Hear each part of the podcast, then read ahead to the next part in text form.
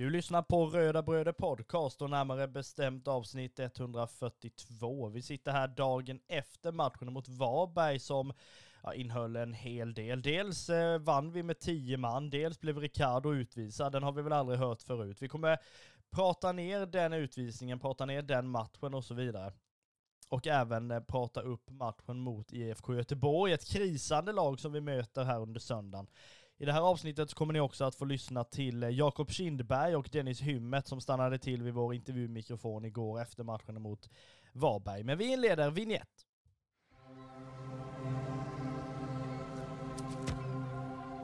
Vi säger väl som vi brukar då, att vi hälsar dig som lyssnar välkomna till Röda Bröder Podcast.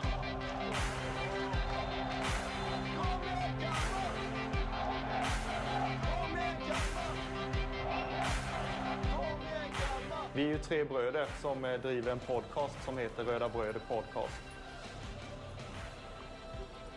Eh, det är jag, Kristoffer Karlström, och det är min lillebror Marcus och min andra lillebror Andreas.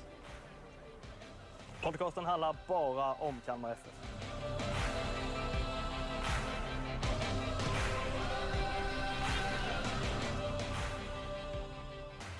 Jajamän, lite så är det faktiskt. Vi sitter som sagt, Marcus och Kristoffer här då dagen efter matchen emot Varberg. Vi kan väl inleda egentligen med att säga att det var ju så att jag får väl ta på mig en form av dumstrut nästan och säga det, eller be lite om ursäkt. Kanske inte till supporterna men till eh, McCools som eh, restaurang, pub, bar och vad fan det nu är med tanke på att jag sa i förra avsnittet att men de har ju stängt, så vi får väl hoppas det blir någonting annat som har öppet då eller sådär. Men de hade ju inte stängt. Vi kom väl överens nästan om att det är väl så att, eh, ja, man ska väl lyssna på dem i alla fall, supporterna som brukar vara på McCools oftare och ha koll på när de har öppet och stängt kanske mer än, än två killar som sitter och gör en podd som inte är där jätteofta, kanske. Men eh, du var ju där Kristoffer igår på McCools, det verkade ju vara fint. Ja, det, det kan man säga. Det var ju en, eh, vad ska jag säga, det var länge sedan jag var på, på en pubsamling. Eh, och eh, då passar man ju på när, man, när, när tillfälle ges helt enkelt att åka in och, och känna av den, den rödvita stämningen innan match också, den här förväntanskänslan som, som infinner sig på, på en pubsamling helt enkelt. Eh, och eh, tillsammans med en del av de eh, största profilerna inom eh, alltså supporterkulturen till Kalmar FF eh, var ju där på plats eh, och man fick småprata lite med dem och, eh, och sådär. Och, alltså de flesta känner man ju hyfsat eh, och jag menar man, man känner sig inte ensam när man är på en pubsamling. Det är ni som inte har varit på det någon gång, prova det och så tror jag att ni kommer att vilja göra det fler gånger. Det var ju, det var ju sommarfest på Macools. Ja det var det ju. Var det sol då? Eh, ja, alltså. nu ska jag komma med en sån här klassisk, eh, vad ska jag säga, klassisk grej, men ja, växlande molnighet. Ja. Jättetydligt och bra. Jag trodde du skulle säga, det var inte sol i vädret, men solig stämning var det. Något sånt här eh, härlig övergång, men det gjorde du inte.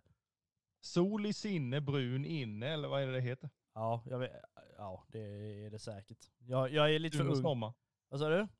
Sune sommar. Ja, jag är nästan lite för ung för att komma ihåg det höll jag på att säga. Men det var ju bra, du, bra stämning sa du, och man var väl lite orolig i alla fall under vissa sociala medier att jaha, nu kommer det bli en sån här jobbig siffra då ju på Guldfågeln med liksom 4000 per som sitter. Och alltså jag kan köpa om det inte är alltså fullt. Dels för att Varberg kommer, vem fan vill se Varberg? För det andra, att det är slutet av månaden, folk får lön här om några dagar liksom, och då får man väl kanske prioritera lite då med tanke på att vi ska ha Europaspel också och så vidare.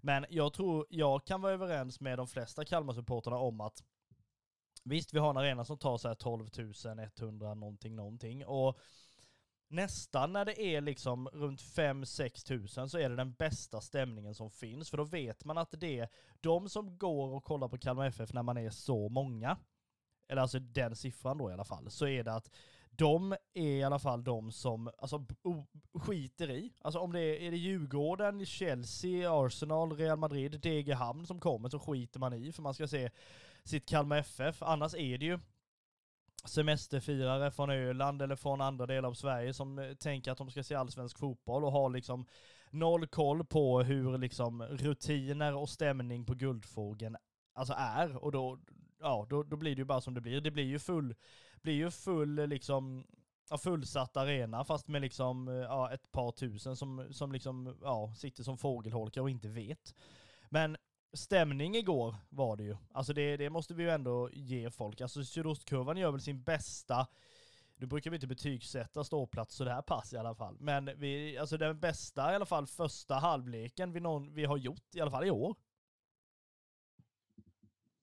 Jag är nästan beredd på att säga, alltså ljudmässigt så, så är det nog den bästa halvleken alltså någonsin på sydostkurvan skulle jag säga. Eh, alltså för det, för ljudmässigt var det en, en kuliss som, som, ja, alltså det måste ha hörts eh, långt, långt utanför stan alltså. Det, för det var, det var så pass bra tryck redan från början. Eh, folk var jättetaggade eh, och sådär. Det märkte man ju redan under pubsamlingen. Men, men eh, sen väl på plats eh, under uppvärmning och sånt där också så, så började det liksom infinna sig en, en känsla av att det här kommer bli något i, alltså, med bra leverans. Eh, och i första halvlek är det ju Alltså, ja, alltså jag brukar säga det att jag tar ju hellre 6 000 rödvita på plats än att det ska vara 12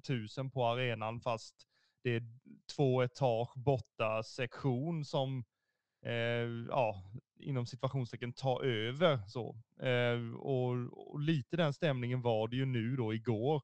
Att det var rödvit stämning, Varberg kanske var 20 pers liksom. Så det var ju inte, det var väl ingen direkt sång därifrån, men men eh, vår ståplats, det var hög klass.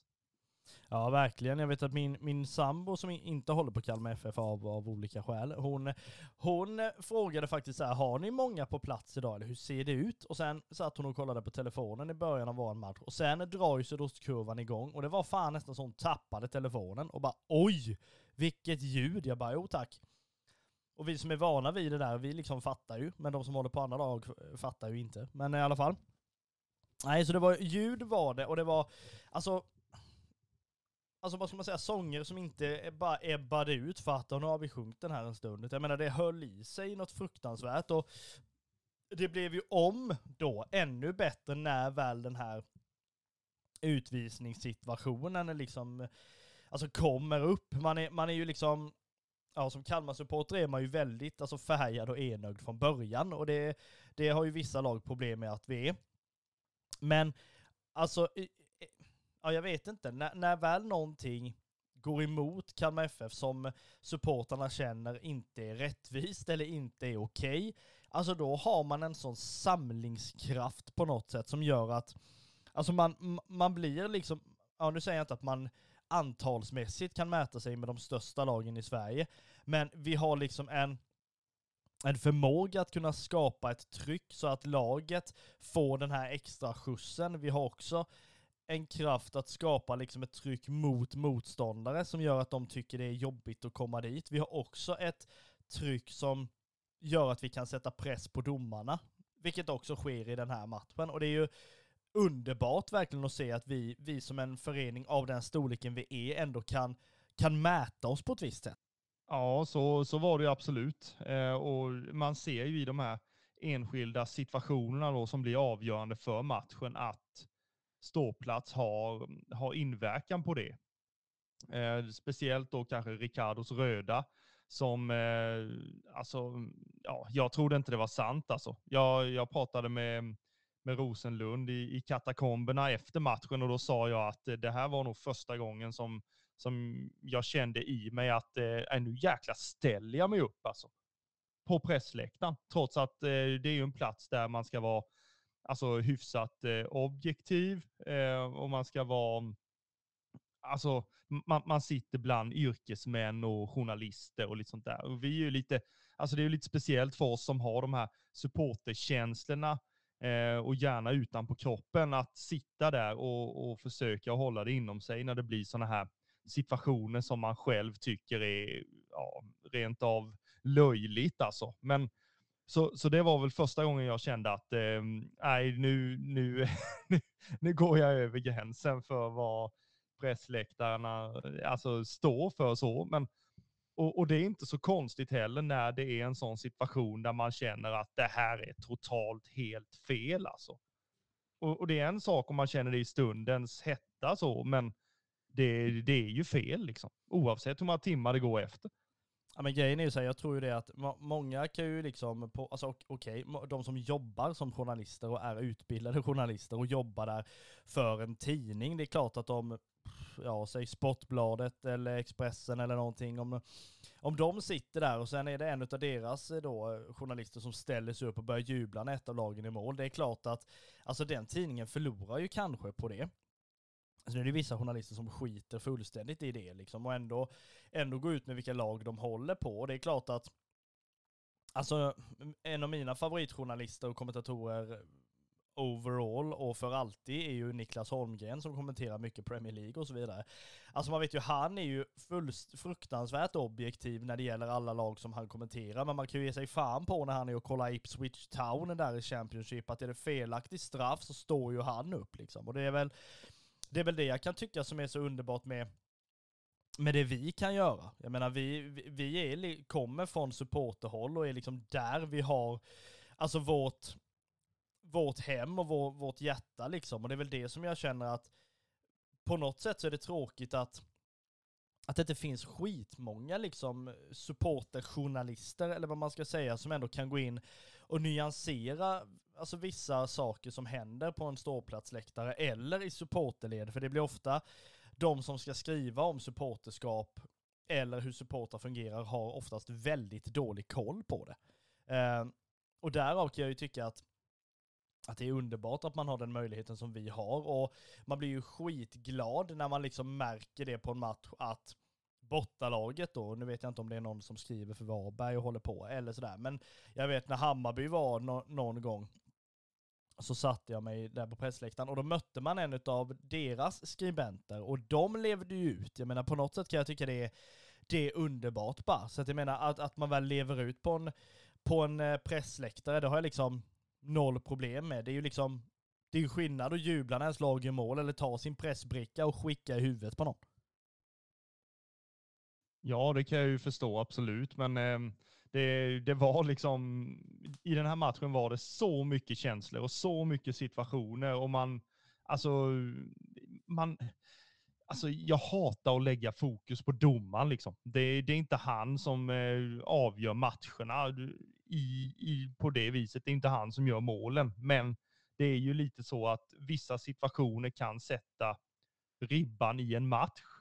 Och jag tyckte tidigt i, eh, alltså i den första halvleken att ehm, ja, det här kan ju gå lite hur som helst. Och, och eh, visa alltså Jensen någon form av känsla ner vid sidlinjen så är ostskivan nära liksom. Och sen, sen eh, Varbergsspelarna har ju flest varningar i hela allsvenskan, ganska överlägset.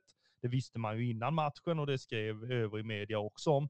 Men så, så det var man ju beredd på att akta hälsenorna i situationerna. Och det var ju många situationer som, alltså, ja vi har ju någon i andra halvlek, vi kommer säkert in på den sen, eh, våran röda brödespelare som blir överkörd vid, vid sidlinjen och det blir inte ens frispark. Eh, och då tänkte jag, nu har ju den här matchen tappats ordentligt.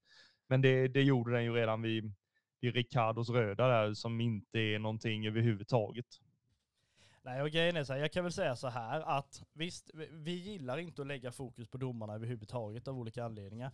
Dels för att man, man alltid blir så jävla platt när man gör det. Samtidigt så är det väl också att, alltså jag är ju domare i en annan idrott och liksom kan ju på något sätt ha Alltså ha förståelse för ja, men, hur man kan tänka och så vidare. Men det behöver inte betyda att jag tycker situationen är rätt. Jag kan ju tycka den är dyngfel oavsett liksom. Eh, och sådär. Sen och det är ju det vi kan liksom komma in på och börja prata om ändå, att den här situationen med, med Ricardo, dels, alltså det, det finns väldigt många dimensioner i det här. Antingen så kan man tänka, okej, okay, Borde inte Ricardo ha lärt sig att han inte ska gå ut där, likt det blev i Elfsborgsmatchen?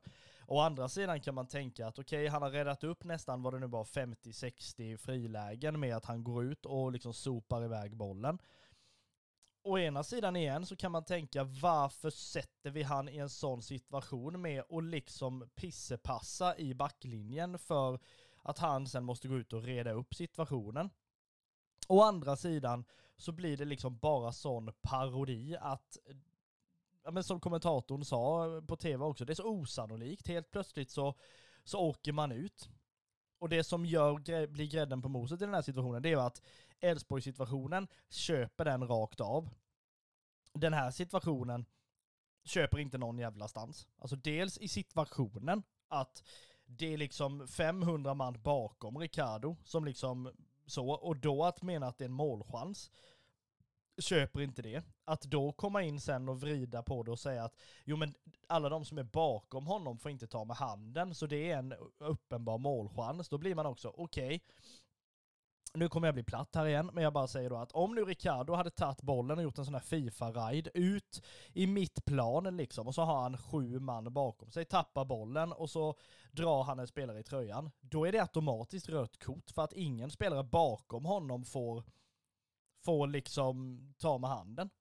För att om Berisha hade gjort det, alltså vår gamla målvakt Eterit Berisha som nästan alltid slog våra straffar, om han hade skickat en boll i liksom händerna på målvakten. Målvakten hade rullat ut bollen. Han hade tagit en frispark där uppe. Då är det automatiskt rött kort.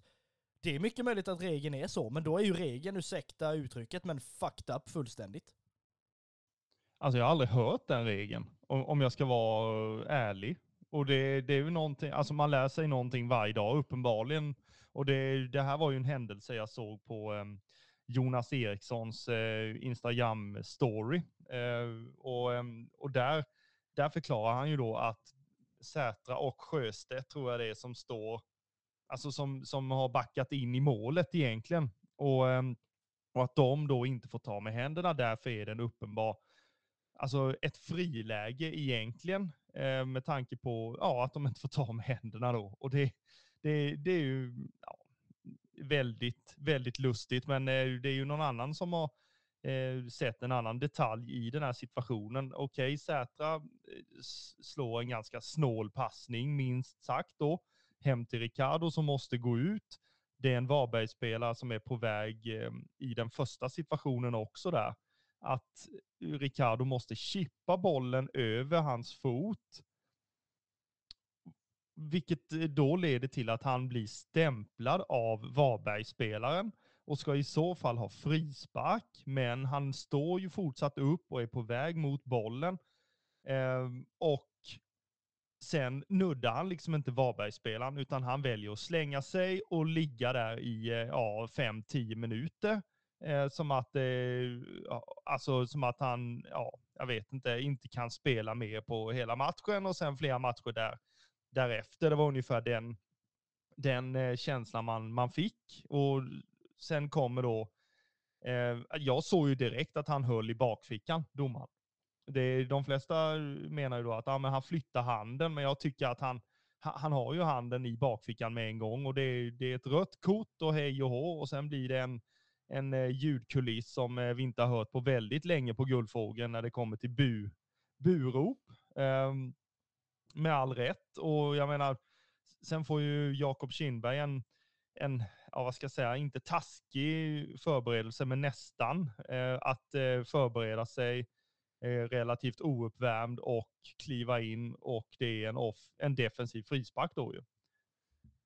Ja, men jag tycker det är, det är så konstigt alltså. Och jag menar, jag vet inte. Det är, väl, det är väl det här som gör att, att man liksom känner, men vissa regler är ju så lustiga. Visst, man plockade bort den här dubbelbestraffningen när det liksom var, var straffar och så vidare. Men alltså då kan man ju också tänka, det hade varit mycket bättre, alltså så här, i huvudet är det ju så, att man tänker att och det tror jag ju Ricardo också tänker att okej, okay, jag försöker gå ut och plocka bollen och göra mig så liten som möjligt i den här situationen för att inte sänka honom. En annan målvakt hade ju säkert tänkt att jag sänker honom innan han kommer in i straffområdet. Problemet är, alltså hur man nu ser på det här då, det är ju att i straffområdet hade han förmodligen fått gult kort och det hade blivit straff. Det är alltså värre att kapa någon ute på planen då som målvakt om man har backarna bakom sig och då får rött kort än att sänka någon i ett friläge i straffområdet och då får gult kort och straff. Alltså det är, det är så lustigt så jag vet liksom inte vad. Och här blir det ju då för dem som menar det här med VAR och så vidare. Och jag menar, jag kan tycka nu, nu ska jag vara lite sån här faktiskt, jag, jag, kan tycka att man nu angående VAR har tagit ett helt, alltså en helt ny riktning med det här med offside och grejer. Det har förstört så fruktansvärt mycket, mycket i VAR, det här med att man har liksom gått in, alltså du kan ha en lilltånagel framför backen och så blir det offside, liksom man är nere på molekylnivå, vilket bara blir liksom löjligt. Nu har man ju tagit då ett annat steg, att hela spelaren ska vara bakom och så vidare. Men det som hade räddat oss med VAR i den här situationen hade ju förmodligen varit om det hade varit någon domare med huvudet på skaft i VAR-bussen och sett att men det är ingen kontakt. Alltså man kan diskutera att okej, okay, ska det vara rött kort, ska det vara gult kort? Eh, det här med liksom spelare bakom och ja, onödigt av Ricardo att ta på sig en utvisning igen. Men när vi väl hamnar liksom i, i, alltså kärnan av den här situationen är ju att det inte finns någon som helst kontakt och innan Ricardo i så fall träffar spelaren så är han ju liksom sänkt ändå.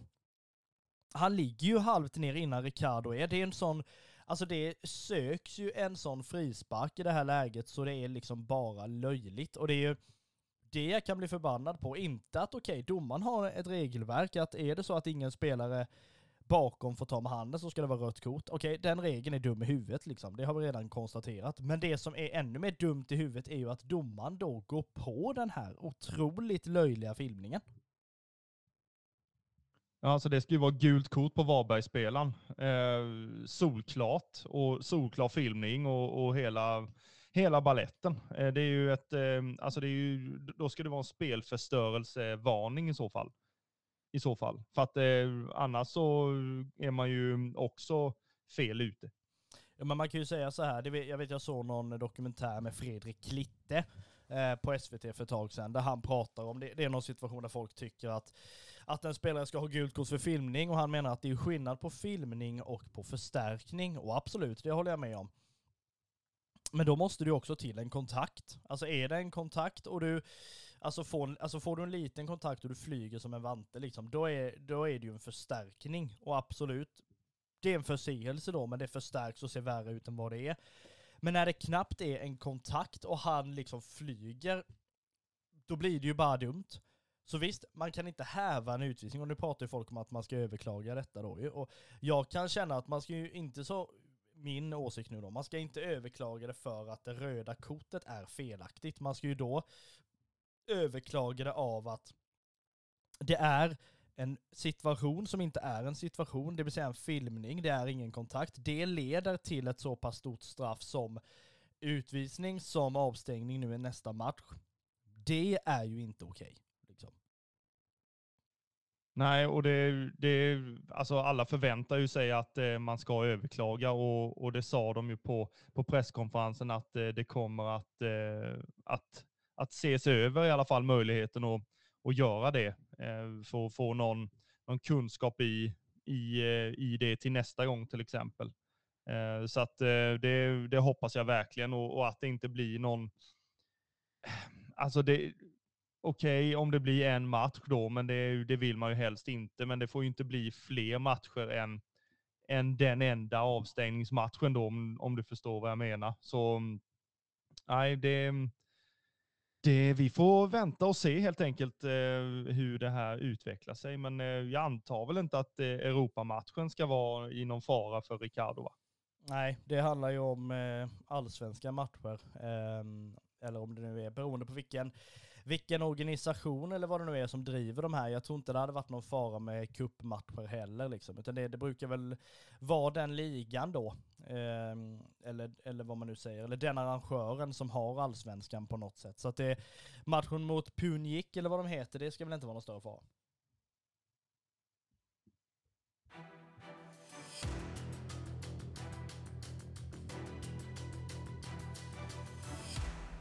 blev det ju himla lång tid om den här eh, icke-utvisningen då, men så, så får det vara ibland. Vi, vi kan väl i alla fall sammanfatta matchen mot, eh, mot Varberg med att vi eh, det var väl i alla fall en bra inledning eh, med bra bolltempo, bollinnehav som var fruktansvärt högt igen. Eh, dock liksom så här så märkte man ju det på Varberg att de var ju nöjda med liksom 0-0 i den här matchen. Jag menar de greppar ju efter alla halmstrån som bara, bara finns att nå eh, i den här situationen som man nu eh, befinner sig i. Eh, sen är det väl också så att den här första halvleken blir ju väldigt påverkad alltså i slutet av den här utvisningen då. Eh, och det gör ju då när man kommer ut i den andra halvleken att man hade ju det här i bakhuvudet att okej, okay, vi fick vår målvakt utvisad, Jakob Kindberg kom in, fick en jätteotacksam match i matchen mot Elfsborg. Här är det en annan situation, här är det 0-0. Vågar man nu gå för det eller ska det vara så att Varberg ska verkligen tydligt spela med en man mer. Men alltså vi var rätt överens om det igår när vi pratade efter Kristoffer, att alltså det var så... Man kände inte att man var en man mindre överhuvudtaget. Det är ju Kalmar som tar hand om, om matchen. Det är nästan så att Kalmar pressar mer med en man mindre och liksom Kindberg gör ju en, en, en superprestation i liksom i det här. Bara det att liksom då kunna vinna matchen, sen på en straff som kommer av olika anledningar, men att kunna vinna en match med en man mindre, det är ju liksom en bedrift i sig, men det är ju också en bedrift att kunna få sina motståndare som är en man mer att se så fruktansvärt tafatta ut. Ja, alltså det, det såg ju inte ut som att det var att vi var en man mindre. Eh, vi, eh, vi fortsatte ju att mata på eh, helt enkelt. Och det, det pratade de ju om i, i pausen. Det kommer ju våra intervjuspelare att eh, förstärka, men det är ju eh, Alltså att man inte bara ville ha ett kryss i den här matchen, utan man ville gå ut och vinna den trots att man var en man mindre och skulle göra ett, ett försök att göra det. Och jag tycker att alltså i den här matchen, man, man pratade mycket om att Hammarby-matchen var alltså det var ju negativ stämning efter den. Samtidigt så var Jensen inne på att eh, offensivt så var det ett fall framåt i, i, i Hammarby-matchen och likadant i denna matchen. Och jag tycker att vi, vi är ju ett, eh, alltså ett lag som spelar väldigt varierat i, i matchen mot Varberg. Eh, vi kom ju ut jättefint alltså. Och det är ju ett, ett bolltempo som vi efterlyste. Varberg fick ju jaga boll och springa och, och sådär och tycka att det var allmänt tråkigt. Eh, närkampsspelet som, som vi efterlyste också efter Hammarby-matchen, mycket, mycket bättre. Ett, eh, vad ska jag säga, direkt när man tappar bollen så pressar man direkt med, med de närmaste spelarna och försöker vinna tillbaka den snabbt och det tycker jag att vi, vi gjorde vi ett antal gånger. Eh, det var mycket, mycket alltså som var eh, förbättrat jämt emot Hammarby-matchen. Eh, så att det, eh, det, jag förväntade mig en seger egentligen. Alltså. Ja, och sen kan man ju säga så då att, att eh, ja, men det är ett fall framåt i antalet chanser man skapar eh, offensivt och sådär. Och det, det man kan se som lite negativt då i den här matchen, det är ju att det enda målet som faller kommer ju av en straff. Um, och det är ju så här att visst, det kan vara ett fall framåt i det offensiva spelet, men då måste det ju också nästa kliv vara just att man, att man börjar göra mål igen. Uh, alltså på, på de här chanserna man liksom har. Um, och i slutet så är det ju så att man, det var många som sa det också, att man, man, man visste det att blir det någon form av, av lustig situation i Kalmars offensiva straffområde så kommer det blåsas. Oavsett om det är en kompensation eller om det på riktigt är straff. Och jag menar, vi kan ju prata om att rättvisa skipas ju i den här matchen. Man brukar ju säga att två fel blir ju inte ett rätt, men man kan ju också säga att alltså, man blir ju så orättvist behandlad i och med den här utvisningen.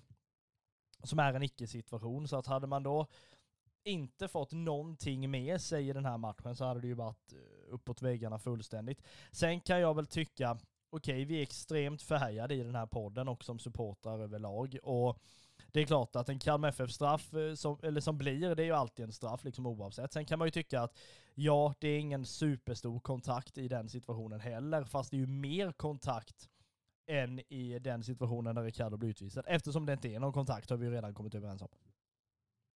Ja, men det är, i, i vår straffsituation, den, den ser ju väldigt billig ut också, men eh, alltså någon, någon jäkla rättvisa får det, får det fan vara på grejen alltså. För det är alltså så bortdömda vi har blivit i vissa matcher och vi har gnällt och spelarna och ledarna alltså, tycker ju att eh, alltså, domarna har ju varit, alltså vi har inte fått speciellt mycket med oss och det, det känner väl känner väl jag också. Jag menar, till slut så borde vi väl få en straff som är, som är tveksam, men alltså det finns ju, där finns det ju kontakt i alla fall, så att eh, då får vi väl se den som eh, rättvist dömd.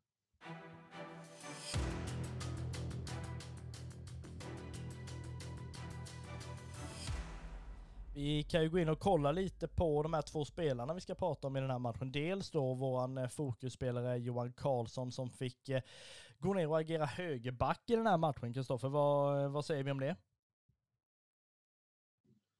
Ja, Johan Karlsson gör ju en eh, riktigt fin insats. Eh, vi vet ju att han eh, kan spela både central mittfältare men också högerback och, och i den här matchen så, så är han ju riktigt bra i, i det defensiva. Han är delaktig offensivt och det är fart och fläkt på högerkanten. Eh, så att Alltså Johan Karlsson står för en jättefin insats eh, och eh, alltså han, han är stabil, men samtidigt så är han, alltså är han lite stökig för motståndarna offensivt. Ja men verkligen, eh, det håller jag absolut med om. Vi eh, tänker väl oss också att vi pratar om den andra spelaren, nämligen han som blev Röda Bröder-spelaren och det är ju nummer 20, Jakob Trenskov, som eh, fick gå in och göra sin första start. Eh, kommer in och alltså, gör det skitbra helt ärligt i, i första halvlek. Eh, visar ju att han är ett väldigt orosmoment med en snabbhet och en väldigt fin teknik. Liksom det, här, det här är en spelare som ett guldkorn hittills som han eh, har lyckats gräva fram. Som, eh, som eh, ja, men förhoppningen är ju att eh, det här kommer att eh, vara en spelare som blommar ut ordentligt. Ja, och att han ser så bra ut redan nu, det tycker jag är, mm, eh, alltså känns jättespännande. Eh, han har ju, ja, vad är det han har? Två inhopp och, eh, och en start. Och det, jag tycker att det ser, ser lovande ut redan nu. Eh, han, alltså han är väldigt, väldigt lik Jonathan Ring i, i väldigt mycket. Mycket bra en mot en, eh, snabbhet, Eh, bra avslutningsfot. Eh, han försökte väl någon gång i, i, i denna matchen, men, men jag tror att han kommer få fler lägen att, att bryta in ju längre eh, säsongen kom, eh, går. Så att eh, Jakob Trenskov tycker jag är alltså, jättespännande redan nu. Alltså. Och det, att det har gått så här fort, det, det trodde jag väl inte till en början. Nej, det tror jag inte någon trodde faktiskt. Eh, alls, om jag ska vara helt ärlig. Men vi, tänker väl oss att vi faktiskt gör så här. Vi ska ha lite spelarröster med kring eh, matchen mot Varberg. Vi inleder väl egentligen med att eh, lyssna till han som för andra ja, hemmamatchen i rad fick hoppa in och eh, ersätta Ricardo när han blev utvisad, nämligen då eh, Jakob Kindberg och se ju vad han sa helt enkelt efter, efter matchen igår.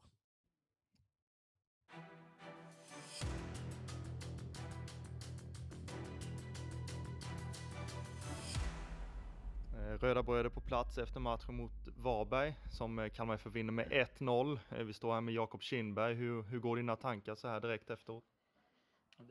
Efter sådana här matcher är det alltid svårt, att, för mig i alla fall, att blicka tillbaka och komma ihåg allting. Men eh, det är ju en väldigt skön känsla i kroppen. Och jag sa det när jag kom in och de flesta var på plats, att jag är otroligt stolt över den insatsen vi gör. Ehm, jag behövde ju nästan inte göra någonting. Um, och det med en man mindre så är det ett otroligt betyg på att vi skötte det precis som vi sa att vi skulle göra. Och framförallt i halvlek. Vi kände hela tiden att den här matchen kommer vi vinna. Och nu blev det via en straff, men det tycker jag vi har gjort oss förtjänt av, att få en straff också. Men nej, otroligt stolt över grabbarna. Eh, du var lite inne på det, men eh, en liknande uppförsbacke som eh, Elfsborgsmatchen fick ni ju. Hur, vad pratade man om i, i paus? Eh, I halvlek pratade vi mest om lite taktiska saker, hur vi skulle approacha. Um, och hur vi ville se ut formationsmässigt. Men vi kände mest att bibehålla den energin vi, vi hade i första och även avslutade med.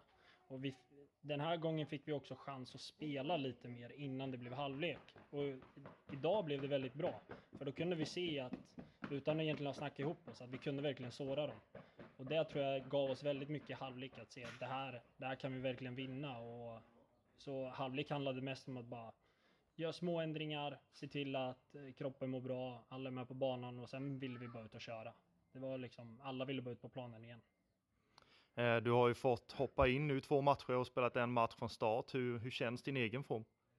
Um, idag kände jag mig mycket tryggare, uh, stolparna. Um, det, det är ju alltid speciellt när man får hoppa in under matchen med förberedelser och så ska man komma in i tempot och blicken och allt vad det innebär. Men eh, nej, jag känner mig... Eh, idag kändes det som att mer saker stämde um, i mig själv och lite så som jag vill vara i målet. Sen uh, så att får se hur många matcher det kan bli nu och som jag får stå. Men jag känner att jag har en bra form och är redo att bidra. Hur, hur är det liksom att vara andra målvakt eh, i förberedelser och i, i allt sånt? Jag tror det är väldigt individuellt och vart det är. Men vi har en, jag, Donald, eh, Ricardo och sen Kasper också som är uppe mycket hos oss. Vi har en bra grupp. Um, och så att det, det, är enkelt att motivera sig i den miljön jag befinner mig i både med målvaktsgruppen och hela laget. Så att eh, på så sätt så har det varit väldigt enkelt för mig under, de här, under den här tiden som jag varit andra målvakt. Men eh, jag, jag försöker alltid vara 100% förberedd och jag förbereder mig nästan lika mycket som Ricardo, när, även när han ska starta. För att jag känner att det kan hända vad som helst och jag vill vara så bra förberedd som möjligt. Om det skulle ske något på uppvärmningen eller dagen innan eller vad som helst.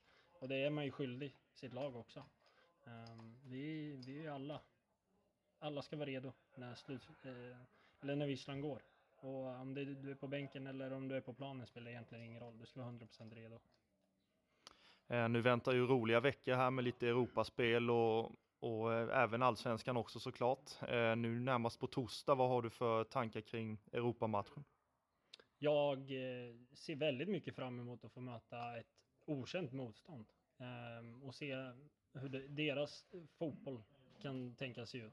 Eh, och sen en väldigt häftig upplevelse för Kalmar FF, men också framförallt våra supportrar. Jag vet hur mycket de har längtat efter det här och så jag hoppas på en fullsatt arena. Det är ju det man hoppas och det, det ska bara bli väldigt roligt att se oss kliva ut där och ha alla rödvita bakom oss. Så att eh, det blir, det blir en grym match. Och efter den så väntar IFK Göteborg på bortaplan. Eh, vad har du för bild av, av den matchen? Just nu kan jag inte säga att jag har någon jättestor bild. Men jag tror just nu känner alla att vi vill bara ut och spela fotboll igen. Så vi får ta Europamatchen först och sen får vi börja blicka mot Göteborg. Men så som vi känner nu så tror jag alla bara vill ut och spela match. Eh, det var som du nämnde innan vi spelade in så var det bra tryck på, på kurvan idag, eh, nästintill slutsålt där. Eh, vad har du att säga till alla rödvita som var på plats idag? Ja, stort, stort, stort tack. De eh, var helt fantastiska idag och de är alltid med oss. Men idag var det någonting extra som hände och eh, det gav oss väldigt mycket. Och det är nästan alla där inne har sagt det. Och vi kan skapa en inramning här som kommer göra att motståndarna inte tycker det är roligt att gå ut och möta oss här. Inte bara för sättet vi spelar, utan kan vi skapa den här inramningen som är det här lilla extra varje match så kommer det hjälpa oss ännu mycket mer framöver. Så att, eh, nej, det var fantastiskt kul att se och stort tack igen. Eh, då tackar vi Jakob och eh, önskar lycka till i de kommande matcherna. Tack så jättemycket.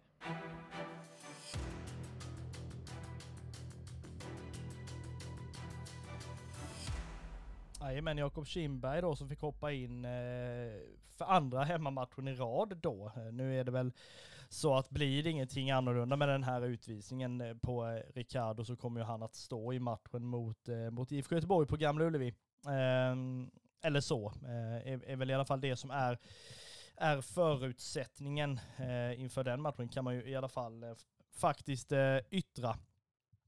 Vi kommer ju även eller vi fick även ska jag säga, prata med Dennis Hymmet som fick komma in i, i matchen igår och är ju en spelare som som vissa supportrar har känt antingen så ska han komplettera eh, Mileta Rajovic på ett sätt eller så ska han eh, spela ihop med honom för att kunna få en extra tyngd eh, och så vidare. Det här, här är en spelare som eh, ja, men, ändå har kommit in på ett väldigt bra sätt och som eh, ligger på andra plats i, våra, i våran interna skytteliga fortfarande tror jag.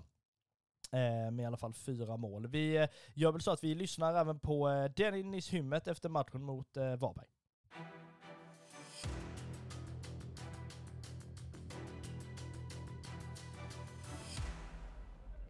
Röda bröder på plats efter matchen mot Varberg som eh, Kalmar FF vinner med 1-0. Vi står här med Dennis Hymmet. Eh, spontana tankar så här direkt efter? Eh, nej, det är en otrolig insats av eh, hela laget. Vi var vi en man kort i typ 60 minuter så det är otroligt comeback liksom att ta tre poäng och sen så är det ju jävligt viktiga tre poäng med tanke på tabelläget också. Eh, så har vi lite liksom bett på toppen här. Eh, där senaste två, tre matcherna kanske har varit lite oflyt och lite svagare prestationer. Eh, så det stärker moralen, det är oerhört viktig vinst. Eh, om vi backar tillbaka lite till efter Hammarby-matchen till exempel och veckan efter där, vad, vad ville ni förbättra till denna matchen? Eh, nej men att, alltså stora... Vi började matchen dåligt i Hammarby-matchen så det är klart vi vill ju minimera de här misstagen som vi, vi har gjort i vissa matcher. Men sen har vi snackat mycket om eh, när vi kommer sista tredjedelen, det offensiva, att eh, bli lite mer konkreta liksom. Eh, komma till avslut och kombinera och komma in i sista ytan där. Så det har väl varit mest det. Eh, och sen såklart, eh, när man möter lag som Varberg som är fysiska blir det viktigt med fasta situationer och offra sig lite för försvaret där. Så det har, det har varit de punkterna vi, vi har tryckt på. Eh, du fick ju starta i matchen mot Hammarby och fick komma in här idag. Mm. Hur känns din egen form? Nej, det känns bra. Fysiken är mycket bra. Den är mycket bättre nu. Eh, och jag känner att jag anpassat mig bra till hur vi vill spela. Eh, och sen, eh, så det har ju varit olika matchbilder och ibland är det så, så Hammarby rent individuellt så alltså jag gör vad jag kan liksom och försöker bidra. Och idag är en helt annorlunda match. Eh, och vi kommer in med energi, vi som kommer in. Och vi vänder matchen liksom som lag. Och det känns bra, det höjer moralen. Så det här känns, det höjer självförtroendet. Det känns bara bra liksom. Du har ju fått spela både på kanten mm. men också som renodlad nia. Mm. Eh, vilken position känner du dig mest hemma i? Eh, det är både och skulle jag säga. Jag har spelat mycket nia, eh, eller rent ut sagt falsk nia. För jag spelar nia på ett på ett lite annorlunda sätt. Jag spelar inte som en eh, traditionell nia. Eh, och det ser man kanske lite idag. Jag droppar mycket och rör mig mycket. Så jag trivs i båda. Eh, den här tia positionen jag spelat på innan är också super, superbra för mig. Där jag kan jobba i mellanytorna. Eh, så det är, jag lägger inte så stor vikt vid det. Det är liksom där coach säger att jag ska spela. Jag gör mitt bästa liksom. Eh, ni fick ju en liknande uppförsbacke idag som ni fick i matchen mot Elfsborg. Mm. Eh, vad var det ni pratade om i, i pausen? Eh, nej men det var väl att eh, sista tio första hade, de pressade inte oerhört mycket så vi kunde ju fortsätta spela. Så vi snackade mycket om att liksom fortsätta spela vårt spel och, och ta vara på det. För det kändes som de var lite tröttare än vad vi var. Och med fast i hand så blev det också andra halvlek. Vi, vi kunde liksom rulla boll och, och vara farliga rent ut sagt. Vi fick ju några bra lägen och, och kunna såra dem. Så det var mycket det att vi inte skulle tappa tron på det vi gör och liksom fortsätta på, på den spelidén. Och idag gav det frukt liksom och vi tog tre poäng. Så redan i halvlek så var känslan att vi kommer vinna. Det var ingen som liksom snackade om att eh, spela kryss eller ta en poäng eller så. Så det var mest det vi snackade om. Eh, nu väntar ju roliga veckor med mm. Europaspelet. Eh, vad har du för tankar kring, kring den matchen nu på torsdag? Eh, nej, jättespännande. Eh, jätterolig match. Eh, tror det kan bli en häftig upplevelse för, för oss som lag och hoppas att arenan fylls så att det blir en, en fin inramning och en fin match. Sen eh, det är väl lite nytt för många i laget. Eh, också bra för erfarenheten liksom. Men jag tror vi har alla möjligheter. Eh, vi kommer ju förmodligen kolla på laget i, i veckan och så här. Så det, allt kan hända liksom. Vi har all chans att kunna ta oss längre Och varför inte hela vägen? Men som sagt, vi får ju ta en match i taget. Men hela gruppen är otroligt spända och, och liksom exalterade. Och det ska bli roligt. Och sen väntar ju en bortamatch mot eh, IFK Göteborg. Eh, har du någon sån där liten tanke på, på den matchen redan? Nej, inte så mycket faktiskt. Men det är klart, det är ju ett lag som... Det blir ju också en tuff uppgift. Det är ett lag som uh, har det jobbigt. Är det okej? Okay? Men det är ett lag som uh, också har tuff just nu. Så det, man ska inte underskatta någon. Vi har all respekt liksom. Så det kommer ju bli en tuff uppgift. Men vi har inte lagt någon tankar på det just nu. Det blir ju på att lägga all energi på torsdagsmatchen. Eh, Sydostkurvan var i stort sett slutsåld idag eh, med bra tryck. Eh, vad har du att, att hälsa till alla rödvita som var på plats idag? Nej, de var fantastiska. Man, eh, man kände, jag sa det också när matchen började, att det var lite extra tryck idag. Och det ger en eh, massor med energi och, och, det är tack vare dem man kan göra de här extra aktionerna och, och pressa och så här. Så det var fantastiskt, det märktes verkligen och jag hoppas verkligen att vi ser så många som möjligt på torsdag. För liksom vi spelar ju för dem och det är, de, det, är det viktigaste liksom. Eh, så jag hoppas verkligen att vi får samma tryck om inte mer på torsdag. Eh, vi tackar Dennis och eh, önskar stort lycka till i de kommande matcherna. Tack så mycket, tack själv.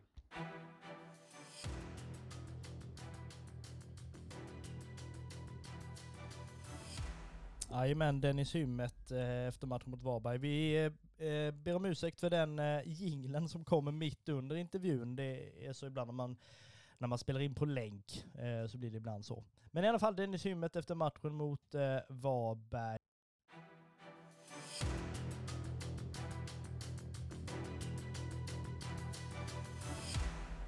Vi lämnar matchen mot Varberg och skiter så smått i den och så börjar vi prata upp eh, kommande allsvensk match eh, mot IFK Göteborg. Vi vet att vi möter Punic eller Punic eller vad man nu säger här innan denna matchen. Men det är ett eh, eget avsnitt som kommer ut här om, eh, om någon dag. Eh, så vi har lite införsnack inför den Europamatchen.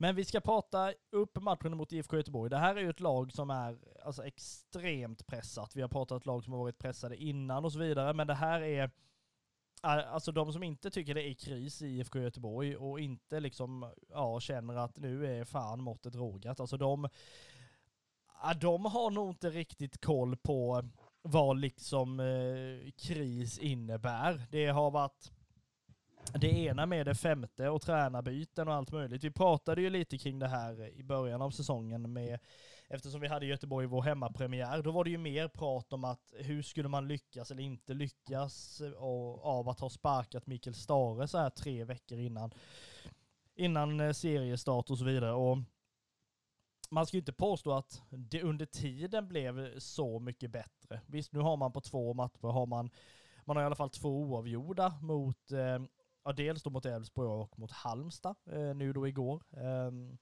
och sådär. Men alltså vad, vad händer i IFK Göteborg? Ja, eh, vad händer? Ja, det kan man undra. Ehm, alltså, eh, alltså, jag menar, det här är nog inte, ehm, alltså det är inte denna säsongen kanske som har satt, satt standarden, men det är ju denna säsongen som är mest kritisk kanske för Göteborg. Jag menar, Alltså man har ju dansat lite mm, innan eh, vid strecket, men denna säsongen har det blivit skarpt läge och eh, allvar. Och jag menar, vi är ganska duktiga på att, att lyssna på våra, vad ska jag säga, poddkollegor i eh, de andra allsvenska poddarna.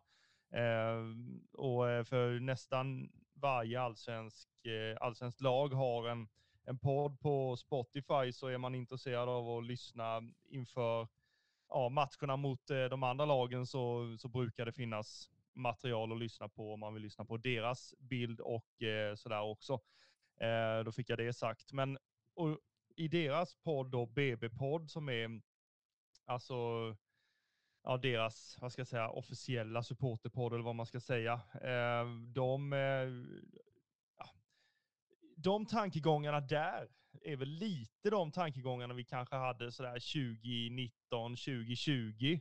Så vi kan ju relatera ganska mycket till de känslorna som, som de har och de, eh, alltså en av dem försökte väl att infinna sig i tanken om superettan nästa år, att man försöker att och liksom mentalt förbereda sig för någonting så att det inte slår så jäkla hårt den dagen det är, är liksom faktum att man åker ut. Men alltså samtidigt så är ju alltså vi, vi lite mindre föreningar, vi gläds ju åt när det går lite åt skogen för de, för de större klubbarna och, och sådär. Och sen så kan man å andra sidan tycka att det vore tråkigt om ett klassiskt, klassiskt lag och en klassisk klubb eh, ramlar ner till, till superettan eh, med allt vad det innebär i, i publik och, och alltihopa för allsvenskan i, i stort så. Men eh, Sen kanske det är en, en väckarklocka för, för storlagen också, om man nu, ja, om det har hänt någonting, att man åker ur och får börja om. Jag vet inte, det är ju inte det, är inte det optimala för något lag att åka ur. Det, det är det ju inte, men alltså, jag menar, det, jag tror inte det är endast på planen som det har varit kris, om man säger så. Nej, det tror jag verkligen inte. Ehm, och som du säger här, våra, våra goda poddkollegor i eh, de andra poddarna, vi eh, eh, av förklarliga skäl kan jag säga så lyssnar jag en del på, på andra poddar och framförallt också då på BB-podd. Dels för att min sambo är en, en stor supporter till IFK Göteborg. Ehm, och det gör ju att vi lyssnar dels på Kalmar FF-poddar runt om och det som eh, liksom har med Kalmar FF att göra. Sen vill ju hon lyssna på BB-podd och det får, man ju, det får man ju fatta då. Men de är ju väldigt trevliga de här två killarna, eh, Patrik och eh, Joakim.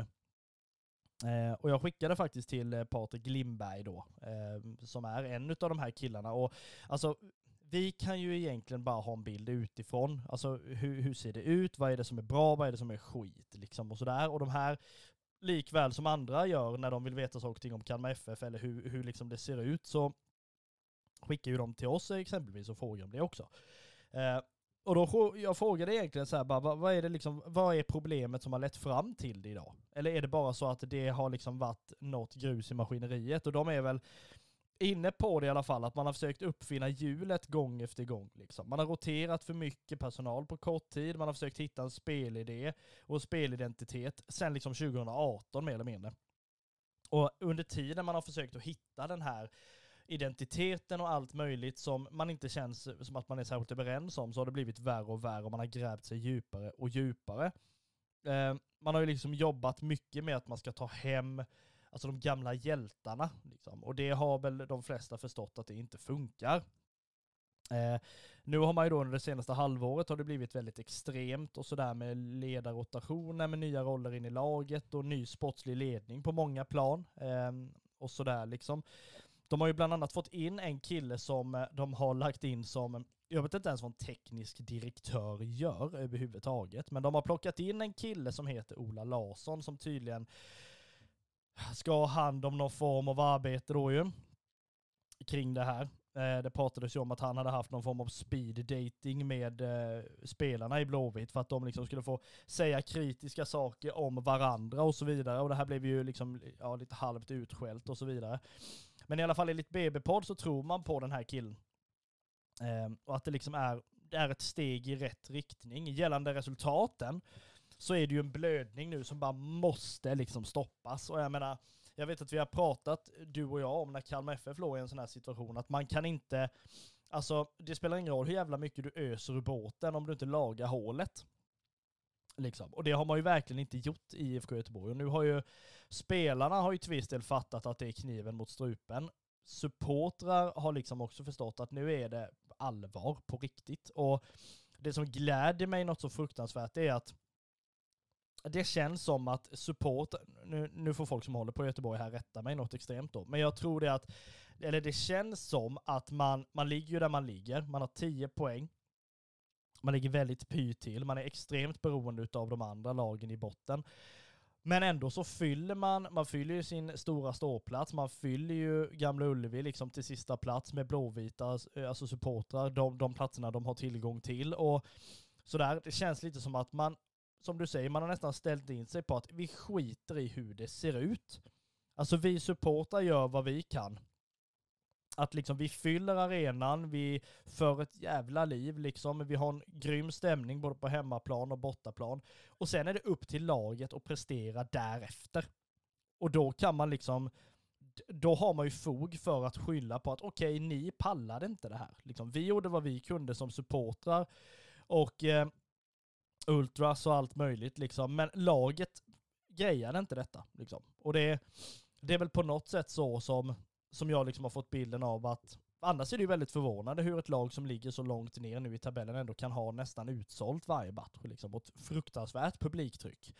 Um, så min killgissning på något sätt är väl liksom att det, det, är det det handlar om. Att man har på något sätt, precis som du säger, nästan struntat i att vi skiter i nu. Den här blödningen ska stoppas, vi kan göra vad vi kan.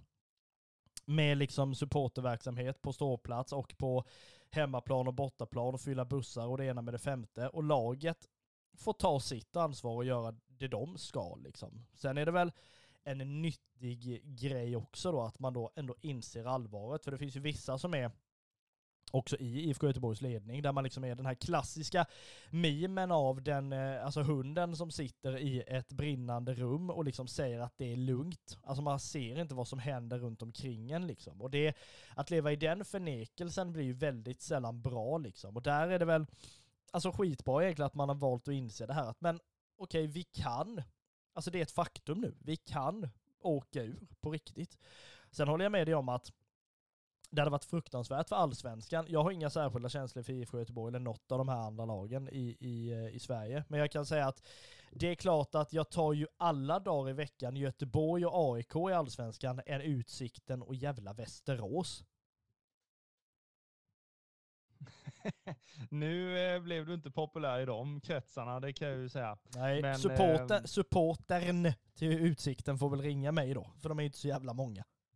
Nej, nej men eh, alltså, ja, man kan ha åsikter hit och dit och, och sånt där, men jag menar, alltså, och, och de som alltså, är ganska neutrala i allsvenskan och går dit för, för stämning och sånt där och kanske inte håller på något särskilt lag så. De hade väl eh, tyckt det hade varit tråkigt om Göteborg hade åkt ut. Men eh, alltså visst hade det varit lite kul som små lags supporter att se att en, en drake som IFK Göteborg alltså kan dansa på eh, gränsen till superettan, precis som vi gjorde och folk eh, önskade att, eh, ja men varför ska Kalmar vara kvar i allsvenskan? De tillför ju inte ett skit eh, mer än långa inkast och eh, ja, Nanne Bergstrand.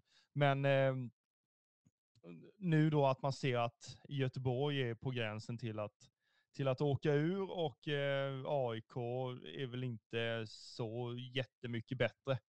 Eh, så, så är det klart att man smålever lite åt det, men samtidigt i det stora hela så, alltså inramningsmässigt på Guldfågeln så är det klart att man, man eh, ja, vill väl kanske ha någon publikmatch mer än Utsikten. Ja, men verkligen är det ju så.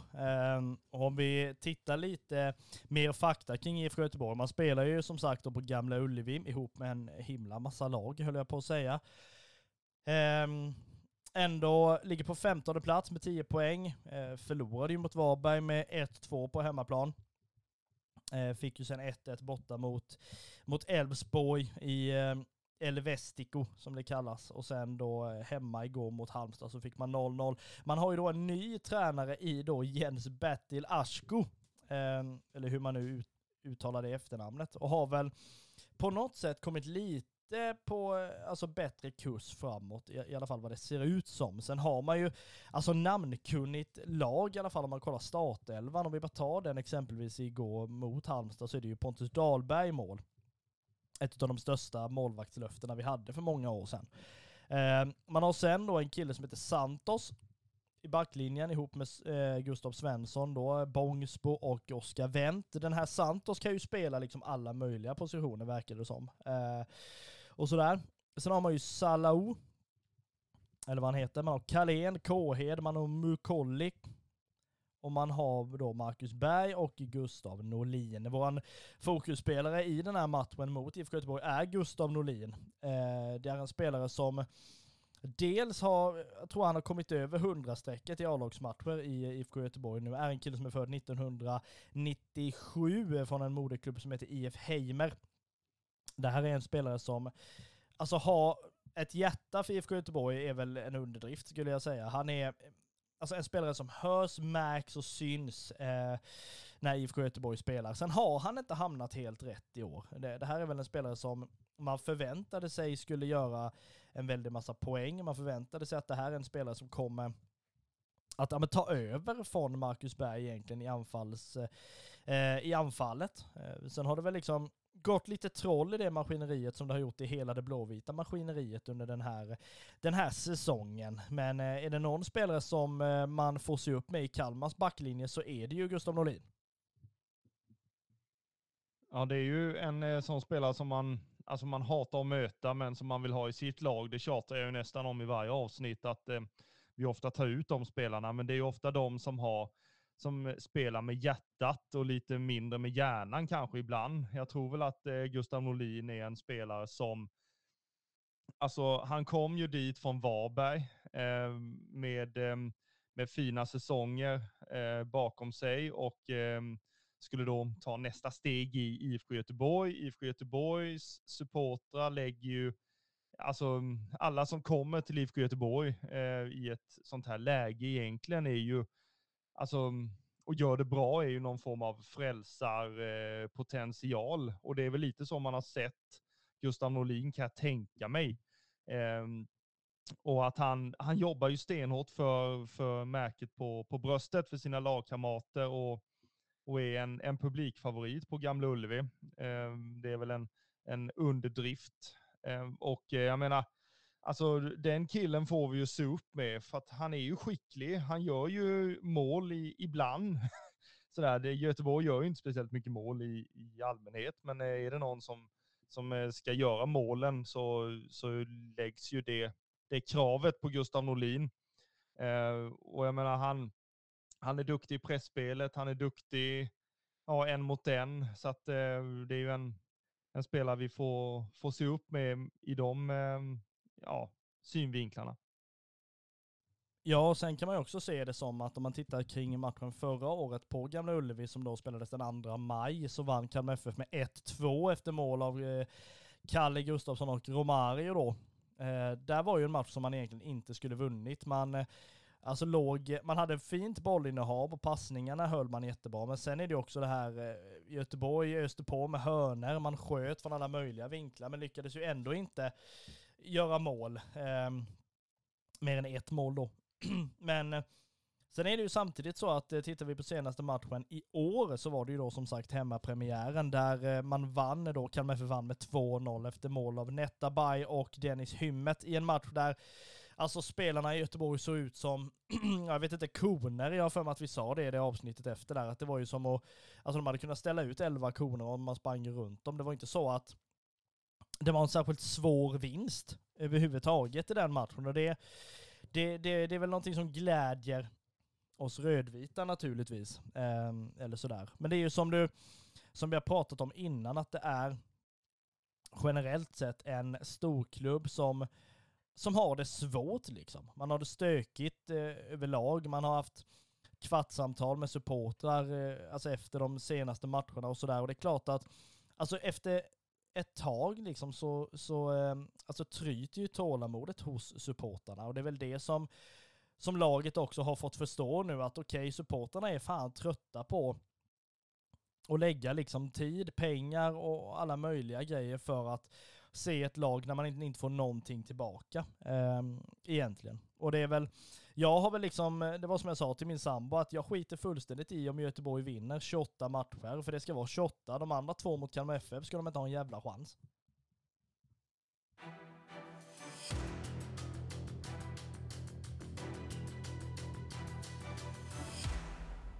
Vi eh, vänder väl fokus då kring eh, den här matchen då till Kalmar FF där vi har eh, då eh, valt fokusera lite på att det är ju alltså klassiska matcher mot Blåvitt under de genom åren då. Eh, inga större målfester eller någonting eh, eller sådär. Men vi tror väl i alla fall att den här matchen kommer bli någonting ganska bra att eh, bjuda på. Vi eh, kan väl också nästan slå fast i vår startelva att eh, det blir ju Jakob Kindberg som får vakta målet. Eh, likt han då fick göra då igår och även då i matchen mot, eh, mot Hammarby. Eh, sen har jag inget särskilt att eh, faktiskt anmärka på kring startelvan igår. Jag kände att det såg alltså väldigt bra ut och vi har alltså spelare nu som ändå Alltså bara myser runt. Alltså om man nu får se det på ett positivt sätt. Jag menar Gojani snurrar runt och det är klackar hej och var, och, eller här och var. Och det är alltså Strabb och Trenskov som spelar på ett alltså, väldigt bra sätt tillsammans hittills. Och sen då Rajovic, där det går lite trögt nu får man väl ändå säga. Han får måla snart, alltså i, i, i min åsikt. Men vår fokusspelare inför matchen mot IFK Göteborg är då Jakob Trenskov.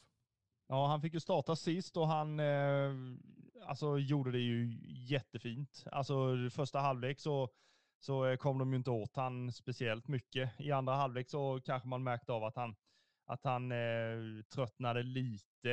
Eh, och det var ju inte konstigt med tanke på den åkturen han fick eh, längs eh, sidlinjen när han jag vet inte vilken spelare det är i Varberg, men eh, jag tror han hade 45 på ryggen. Han var ju skapligt trött på Jakob Trenskov och eh, då ska ju vi precis kontra då. Eh, men den här Varbergsspelaren jagar ju i fatt Jakob och sätter ju en jättetråkig tackling på honom, vilket gör att han åker rätt in i linjedomaren. Och linjedomaren eh, har ju inte ens en alltså, tillstymmelse till att ens vinka på den. Och det, det känns ju lite konstigt. Jag menar, hade, hade jag varit linjedomare och man ser att eh, Varbergsspelaren går endast på spelare och vill bara förstöra hela situationen eh, och knuffa liksom in spelaren i mig, så jag, jag tror jag hade vinkat lite i alla fall, att det här kan ju vara Eh, någon liten halv frispark i alla fall, men alltså inte ens, nej, det, det, var ju inte, det var inte tal om någonting egentligen.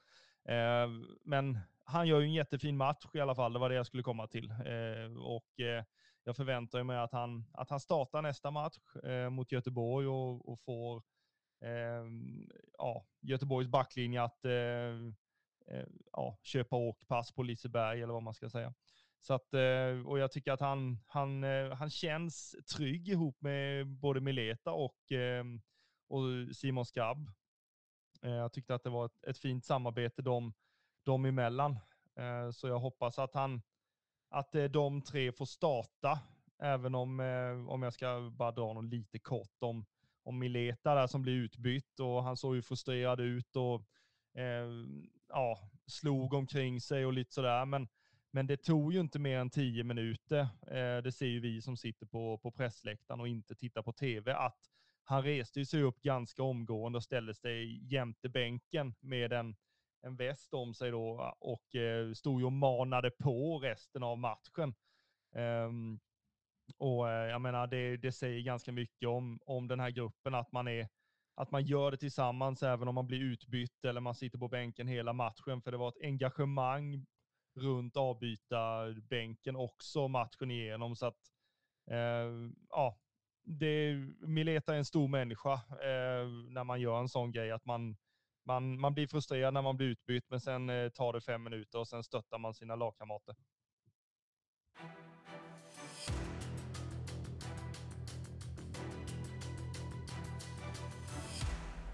Vi eh, gör väl som så här att vi eh, uppmanar er som inte har bokat er till eh, bussen mot Göteborg och Gamla Ullevi att göra så.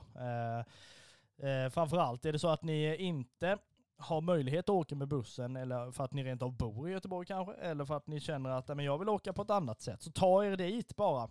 Det är inte mycket mer att orda om. Eh, framförallt, eh, vi, vi kan väl säga som så här då att jag kommer ju vara på plats på den här matchen. Eh, för att alltså, se den helt enkelt. Eh, inte för att jobba för en gångs skull, utan just för att se den här matchen. Eh, och det kan ju bli intressant. Ehm, jag ska se den ihop med min sambo då som sagt. Så antingen så får vi se om man får åka bil hem eller om man får boka någon eh, tåg på vägen hem. Det lär, det lär vi märka sen hur, hur matchen slutar. Eh, och så vidare. Men vi tänker oss, ni som inte har bokat in er på den här resan, gör det. Eller ta er dit på annat sätt. Rödvit stämning ska förgylla Göteborgs dystra tillvaro just nu ändå, kan, kan vi ändå påstå. Vi eh, tänker väl oss också att vi går in på ett eh, matchtipp, Kristoffer. Ja, som vanligt kommer att vara fel. Eh, men eh, seger eh, hoppas man givetvis, så jag både tror och hoppas att vi eh, åker dit, gör två mål Eh, och ehm, ja, står för en, en fin prestation. Jag menar en, en eh, sån prestation som vi stod, stod för mot Varberg eh, tycker jag väl att vi borde komma upp i. Så att det är 2-0 och sen åker vi hem.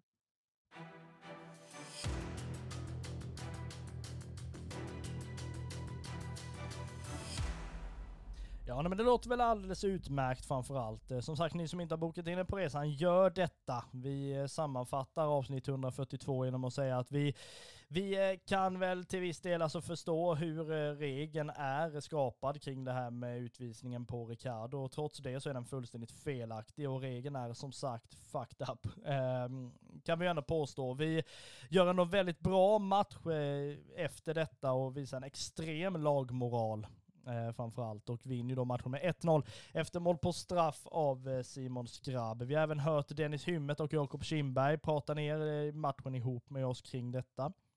Eh, vi har även i det här avsnittet pratat upp matchen mot IFK Göteborg som är ett lag i kris fullständigt och eh, där vi ändå tror att vi kommer kunna komma därifrån med en eh, vinst i bagaget. Eh, förhoppningsvis med eh, 0-2. Boka in er till bussen med KFFSU, hör av er till dem på eh, sociala medier så löser de att ni kan åka med dit. Vi eh, hörs vidare efter matchen mot IFK Göteborg, för vi är ju Röda Bröder Podcast och vi är supporterpodden om Smålands stolthet.